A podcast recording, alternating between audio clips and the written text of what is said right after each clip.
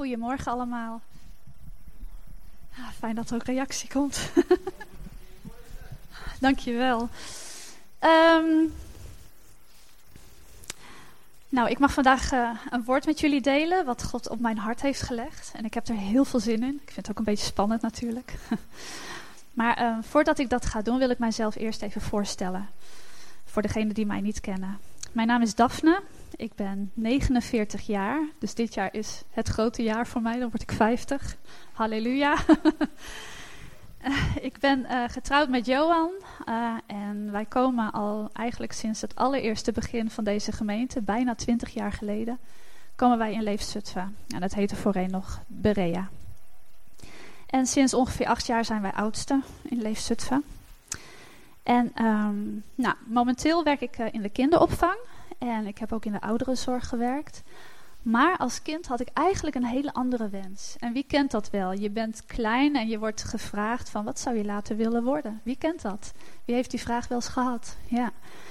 En dan heb je een beetje de antwoorden van uh, politieagent of brandweer. Wie wilde hier politieagent worden toevallig? Ja, kijk, zie.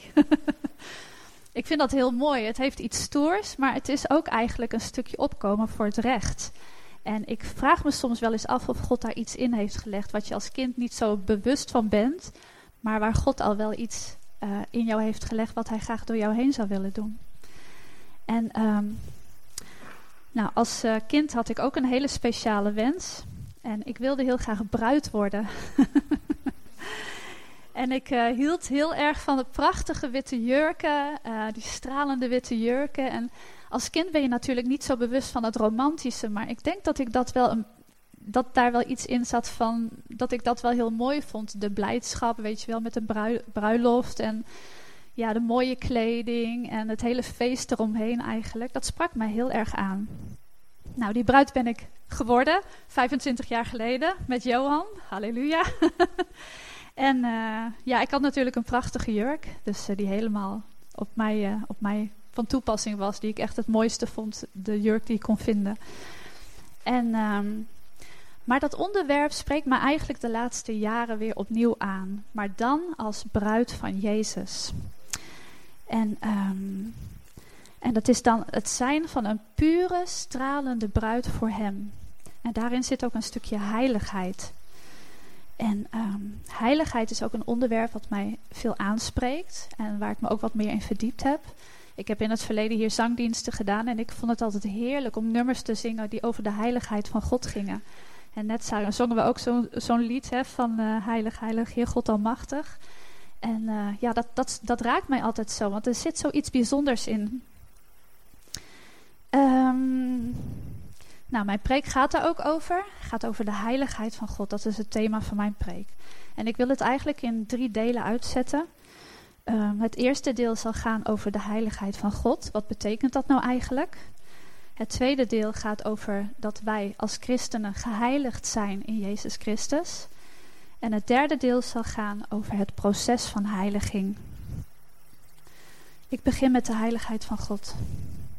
Jullie kennen allemaal wel het verhaal van Adam en Eva in de Hof van Eden. God had een volmaakte wereld geschapen en hij schiep de mens naar zijn gelijkenis in dat volmaakte beeld eigenlijk als um, afspiegeling van wie God zelf was. Zowel in uiterlijk als in wezen. Er staat ook in Genesis, laat ons mensen maken naar ons beeld. Dus God had het zo bedoeld. Maar doordat Adam en Eva uh, niet meer naar God luisterden en zonde kwam, konden ze dus niet meer in die volmaakte wandel met God leven. En dat was ontzettend verdrietig voor zowel Adam en Eva, want ze zagen de gevolgen niet van hun keuze, maar ook voor God, want die had er ontzettend veel verdriet om. En er moest vanaf dat moment iets gebeuren om weer bij God te kunnen komen, om weer in die persoonlijke relatie met Hem te kunnen wandelen. Want God is volmaakt, Hij is heilig. En in Leviticus 19, vers 2, wil je dat op het scherm zetten, eraf? Daar staat: Leef heilig, want ik, jullie Heer God, ben heilig. Nou, wat betekent nou eigenlijk het woord heilig?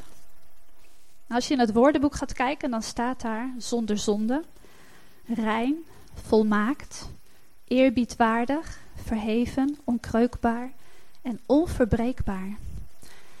En de Bijbel zegt dat God heilig is. Dus God is zonder zonde.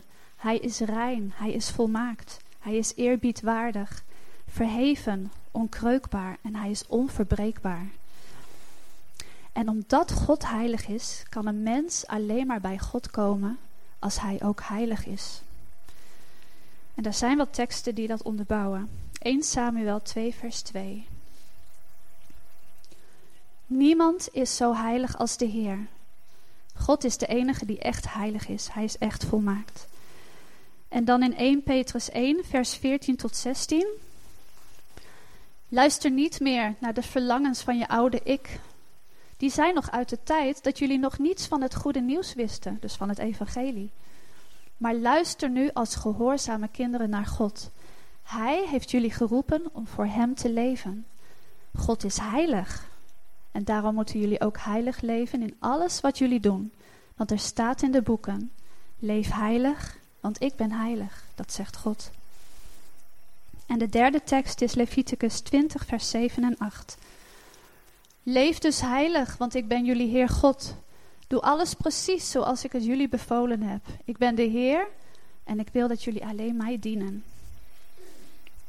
In een andere vertaling staat aan het einde: Ik ben God die jullie heiligt. Hij heiligt ons. En dat laatste zinnetje is meteen een verwijzing naar de komst van Jezus. Door ons geloof in Jezus zijn wij schoongewassen van al onze zonden, waardoor wij gereinigd zijn, rechtvaardig verklaard en geheiligd. En daar ga ik straks nog wat meer over vertellen. In Romeinen 3, vers 10 staat: Niemand leeft zoals God het wil. Helemaal niemand. En dat betekent dat niemand van ons van nature zonder zonde is. In een andere vertaling staat dat niemand rechtvaardig is. En rechtvaardig betekent onder andere dat je juist, correct, eerlijk bent. En dat is vanuit hoe God het bedoelt. Niet hoe wij vaak zelf denken dat het is. Hè? Je kent dat bijvoorbeeld wel van uh, dat je van iemand zegt van nou dat is een goed mens. Of dat je van jezelf zegt ik ben toch een goed mens. Maar dat is vaak hoe wij zelf denken wat goed is. En als we vanuit Gods maatstaf gaan kijken, dan is niemand goed. We moeten, uh, we maken allemaal fouten. En in Gods ogen zijn we daarom niet goed, niet rechtvaardig. Wij zijn niet heilig van nature. En wat betekent heilig ook alweer? Onder andere zonder zonde. En God is zonder zonde. En wij zijn dat van nature dus geen van allen. Wij kunnen in onze zonde daarom niet bij God komen. God haat de zonde. En hij haat het omdat hij zo graag met ons die persoonlijke relatie wil. Maar de zonde staat ertussen. En dan komt hier het verlossende woord. Wij zijn geheiligd in Jezus Christus. Halleluja. Jezus Christus heeft ervoor gezorgd dat wij in Hem heilig kunnen worden. En we kunnen dit absoluut niet zelf bereiken. Jezus heeft die weg naar God voor ons opengezet. En als je in Hem gelooft, dan ben je geheiligd. Maar hoe werkt dat dan? Nou, Gods orde, zijn wetmatigheid, hoe Hij is, hoe Hij werkt, hoe Hij in elkaar zit, is dat er bloed moet vloeien voor schuld. En in het Oude Testament gebeurde dit door dierenoffers. Dieren hebben geen schuld, maar werden dan met de, uh, de zonde van mensen opgeladen en dan geofferd. Maar deze dieren konden alleen de zonde weg, uh, bedekken. Ze konden ze niet helemaal wegnemen. En dat staat in Hebreeën 10, vers 4. Want het bloed van, dieren, van stieren en geiten kan nu eenmaal niet de ongehoorzaamheid zelf wegnemen. Dat kan niet. Maar Jezus was als een offerlam dat alle zonden van iedereen ooit op zich nam. Hij is de enige die dit ooit gedaan heeft. Hij heeft zijn leven gegeven, zijn bloed laten vloeien als een offer wat de zonde niet bedekte, maar de zonde helemaal weg heeft genomen. Hebreeën 10, vers 10, daar staat het. En door het offer van het lichaam van Jezus Christus zijn wij altijd volmaakt gemaakt, dus ook wel heilig gemaakt.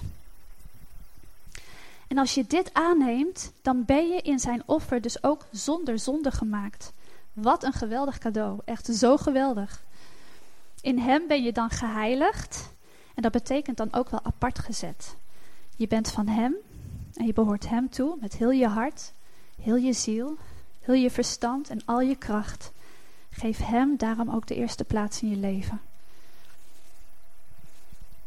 In 1 Corinthiërs 1, vers 30 en 31, daar staat. Dankzij God hebt u nu uw leven in Jezus Christus. Daardoor is Christus zelf wijsheid voor u geworden. Door hem staat u rechtvaardig tegenover God. Dus uh, recht tegenover God kunnen staan zonder dat er iets tussen zit. En hij heeft u apart gezet en bevrijd.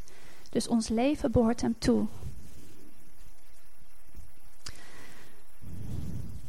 Nou, dan gaan we naar het proces van heiliging. Dat is het derde punt.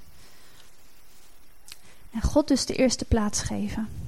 Nu we geheiligd zijn in Christus, begint de weg naar de verandering.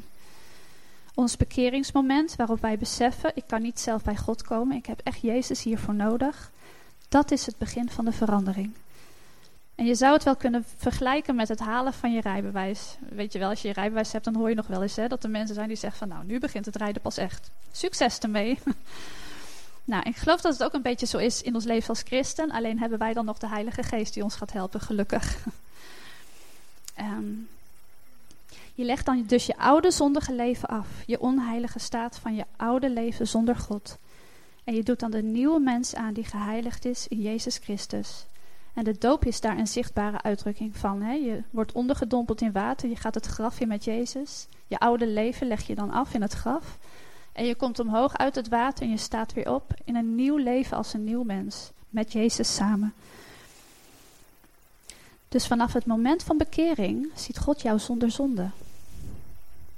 En door jouw geloof in Jezus Christus komt de Heilige Geest dan in jou wonen. En die gaat jou helpen om heilig te leven. Als je hem daarvoor de ruimte geeft. Want de Heilige Geest is een gentleman. Hij gaat niet over jouw grenzen. Je moet het zelf willen. Maar besef dit eens. Je bent een heilige. En er zijn tal van Bijbelteksten die dit onderbouwen. En ik noem er een paar. De eerste is Psalm 89, vers 6. Daarom loven de hemelen uw wondermacht, o Heere. Ook uw trouw in de gemeente der heiligen. Dat zijn wij. En Deuteronomium 33, vers 3. Ja, hij heeft de volken lief. Al zijn heiligen, in uw hand zijn zij. Wij zijn in zijn hand. Mooi hè? En dan Romeinen 1, vers 7. Aan alle geliefden Gods, geroepen heiligen, die te Rome zijn, genade zij u en vrede van God, onze Vader, en van de Heer Jezus Christus. En de laatste is Colossense 3, vers 12. Doet dan aan, als door God uitverkoren heiligen en geliefden, innerlijke ontferming, goedheid, nederigheid, zachtmoedigheid en geduld. Je bent dus een heilige. Zeg dat eens tegen een andere christen. En zeg het ook eens tegen jezelf. Ik ben een heilige. Zeg het op dit maar, maar zeg het maar tegen jezelf nu. Zeg maar, ik ben een heilige. Zeg het maar tegen jezelf. Ik ben een heilige. Wat doet dat met je? En ik bedoel dan niet hè, dat je dan als een vrome heilige zo rond gaat lopen met handjes samengevouwen en een aureool boven je hoofd. En geen gevoel voor humor meer en vrijwel emotieloos zoals in die oude Bijbelfilms. Dat bedoel ik niet. Nee. En ook niet je, jezelf op de borst kloppen, hè, van uh, kijk mij nou eens even een heilige zijn. Nee, dat ook niet. Want Jezus vraagt dat wij zachtmoedig en nederig van hart zijn. En het gaat om zijn eer, niet om onze eer. Maar als je dit diep laat inwerken, dan zijn misschien opeens een aantal dingen niet meer zo vanzelfsprekend. Want je bent een heilige. En dingen die niet meer vanzelfsprekend zijn om te doen of te denken, zoals roddelen, verslavingen, laster, uitbarstingen van woede, onvergevingsgezindheid. Zo'n lijstje staat ook in de Bijbel en wie weet waar, in welk boek. Even Bijbel, Bijbelquiz test. Oké, daar staat hij dus ook, maar hij staat ook in Galaten. in Galaten 5 staat dat. En als je beseft dat je een heilige bent, maak er dan ook geen misbruik van. Hè? Dat staat in Galaten 5, vers 13. Broeders en zusters, jullie zijn door God geroepen om vrij te zijn. Halleluja. Maar jullie mogen die vrijheid niet gebruiken om maar te doen waar jullie zin in hebben. Nee, jullie moeten elkaar liefdevol dienen. Hoe kan je als heilige roddelen? Hoe kan je als een heilige liegen? Hoe kan je als een heilige verslaafd zijn? Dat gaat niet echt samen op, hè? En ik bedoel dan niet uit, dat ik dit zeg vanuit een veroordeling, maar vanuit een bewustwording. Dit te beseffen en ermee gaan afrekenen, dat is het proces van heiliging. En met heiliging wordt niet bedoeld om vanuit een kramp van alles goed te willen doen, van nou, nou moet ik dit en dat. Nee, want dan wordt het echt een heel zwaar juk en een hele wettische manier van leven. En dat is niet zoals God het bedoeld heeft. Maar vanuit dankbaarheid voor Gods liefde voor jou en daarom naar Hem willen luisteren. Daarom ga je dingen anders doen. Maar hoe leeft een heilige dan? Dat staat in Galaten 5, vers 22 tot 25. Ik wil nu even het hele stukje lezen. Hoe iemand leeft in het vlees en hoe iemand leeft in de geest. Galaten 5, vers 19 tot 26. Uh, eh, heb je daarna nog een stukje? Oh ja, oké. het is duidelijk wat de verlangens van het ik zijn. Verkeerde dingen doen op het gebied van seks. Er maar op losleven. Afgoden aanbidden. Toverij, haat, ruzie, jaloersheid, driftbuien, egoïsme, verdeeldheid, boosheid, moord, dronkenschap, wilde feesten en meer van dat soort dingen. Ik waarschuw jullie hiervoor, zegt Paulus, zoals ik al eerder heb gedaan. Want mensen die deze dingen blijven doen, zullen niet in het koninkrijk van God komen. Dat zijn best wel heftige woorden. Maar door de geest ontstaan liefde, blijdschap, vrede, geduld, vriendelijkheid, goedheid, geloof, hulpvaardigheid en zelfbeheersing. Tegen zulke, tegen zulke dingen heeft de wet van Mozes niets. De mensen die van Christus zijn, hebben hun ik met alles wat erbij hoort gekruisigd. Laat je dus leiden door Gods geest. Dan zul je ook door de geest op het rechte pad blijven. We moeten niet lopen opscheppen, we moeten elkaar niet irriteren en ook niet jaloers zijn op elkaar. Maar hierin zie je ook dat jouw manier van heilig leven ook effect heeft op jouw omgeving. Je bent daardoor voor een ander tot zegen en je bent een afspiegeling van wie God is naar deze wereld toe. Waardoor mensen God kunnen zien door jou heen. Maar wat zegt het nou eigenlijk? Het staat in Romeinen 12, vers 1 en 2. Ik neem even een slokje water.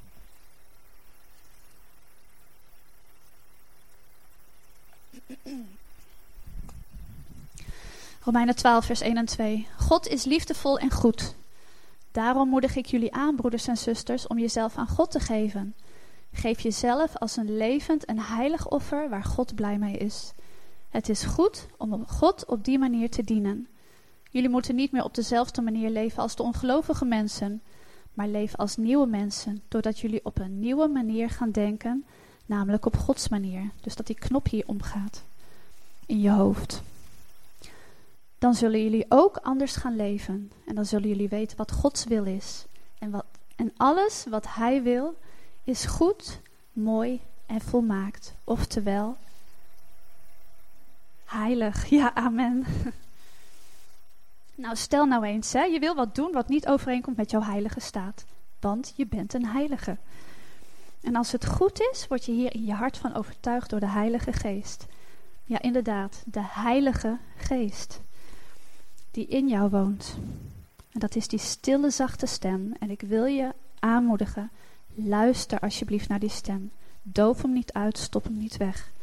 In mijn eigen leven heb ik die stem heel vaak gehoord. En ik heb er ook vaak niet naar geluisterd. En dat heeft in het verleden echt hele vervelende consequenties voor mij gehad. En ik heb met vallen en opstaan geleerd om er naar te luisteren. En het heeft me geholpen om dichter naar God toe te groeien. En ook om innerlijk tot rust te komen. Hij heeft oneindig veel voordelen om naar Gods stem te luisteren. Oneindig veel. Dat kan ik je zeggen. De Heilige Geest overtuigt de wereld van zonde. En als zonde nog in jouw leven is, dan is dat dus nog van de wereld. En dan gaat de Heilige Geest jou daar in je hart van overtuigen. Als het goed is, besef je het. Je geeft het toe. Oh, oh dat, was echt, dat was echt zo niet handig van mij. Oh Heer, ik ga het echt anders doen. En je, je neemt het voor om daar een verandering in te brengen. En vraag ook hulp van andere christenen. Hè? Vraag ook hulp van mensen om je heen. Van hé, hey, ik, ik worstel hiermee. Zou je me advies kunnen geven of wil je met me bidden?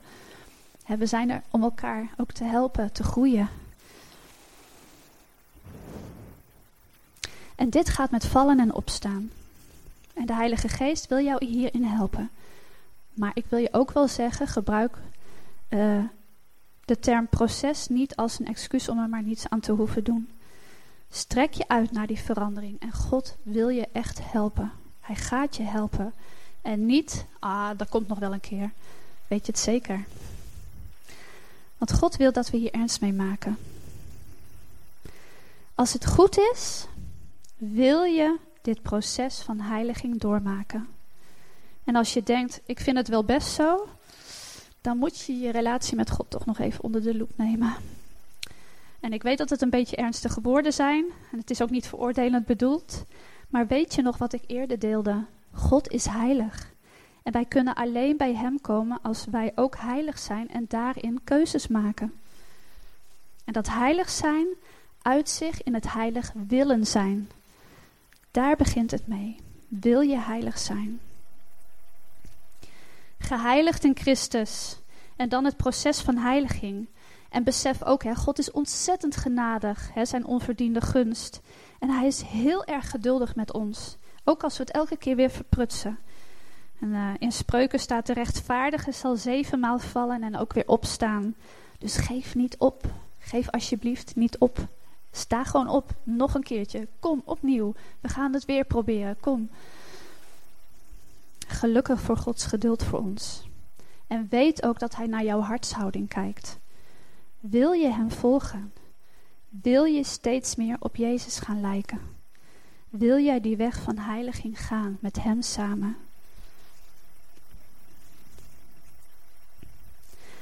In 2 Korintiërs 7 vers 1, daar staat...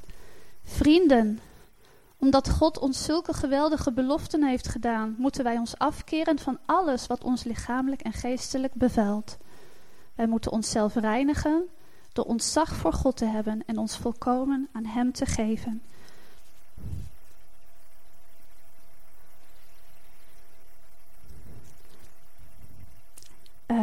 We moeten onszelf heiligen of reinigen. In andere vertalingen staat ook wel dat we onze heiliging dan volmaken. Dus het heeft echt met keuzes te maken. En met het geheiligd zijn door Jezus Christus en dat proces van heiliging, dan worden wij die bruid van Christus, zonder vlek of rimpel, staat in Efeze. Zijn grote liefde voor ons en onze liefde voor Hem maken dat we heilig willen zijn voor Hem vanuit een intens verlangen.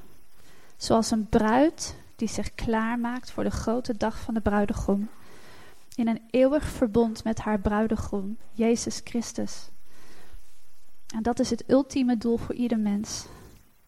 En door heilig leven door Jezus gaan we Hem ook steeds beter leren kennen. Niet alleen jij voor jezelf, maar het hele lichaam van Christus en ook als getuigenis naar de wereld toe in Efeze 3, vers 18 en 19. Ik vind dat een prachtige tekst, zo van met elkaar alle heiligen. Dan zullen jullie samen met alle andere gelovigen, oftewel heiligen, in andere vertalingen, gaan zien hoe breed en hoe lang, hoe hoog en hoe diep de liefde van Christus is. En dan zullen jullie gaan zien dat die liefde te groot is om te begrijpen. En dan zullen jullie vol worden van God zelf. Wauw, vol worden van God zelf. Daar verlang ik naar. Wie verlangt ernaar? Vol worden van God zelf. Um, dus, God is heilig. En wij kunnen alleen bij Hem komen als wij ook heilig zijn. Maar Gods genade, zijn onverdiende gunst, is dat Hij Jezus heeft gestuurd, zodat wij door Hem heilig kunnen worden. En daarin ligt ook een stukje groei om die heiligheid ook te gaan uitleven. Zo groei je steeds dichter naar God toe. En dat kan je zien aan het plaatje wat ik voor deze preek heb gebruikt. Heb jij die toevallig uh, nog uh, erin gezet? Tada! God reikt zijn hand uit vanuit, naar ons toe vanuit zijn grote liefde. En wil jij die hand vastpakken? Wil jij die liefde beantwoorden en met hem samen gaan wandelen? Wil je die uitgestrekte hand van hem vastpakken? Wil je dat proces van heiliging doormaken? Tot slot, ik wil eindigen met een prachtige tekst uit Openbaring.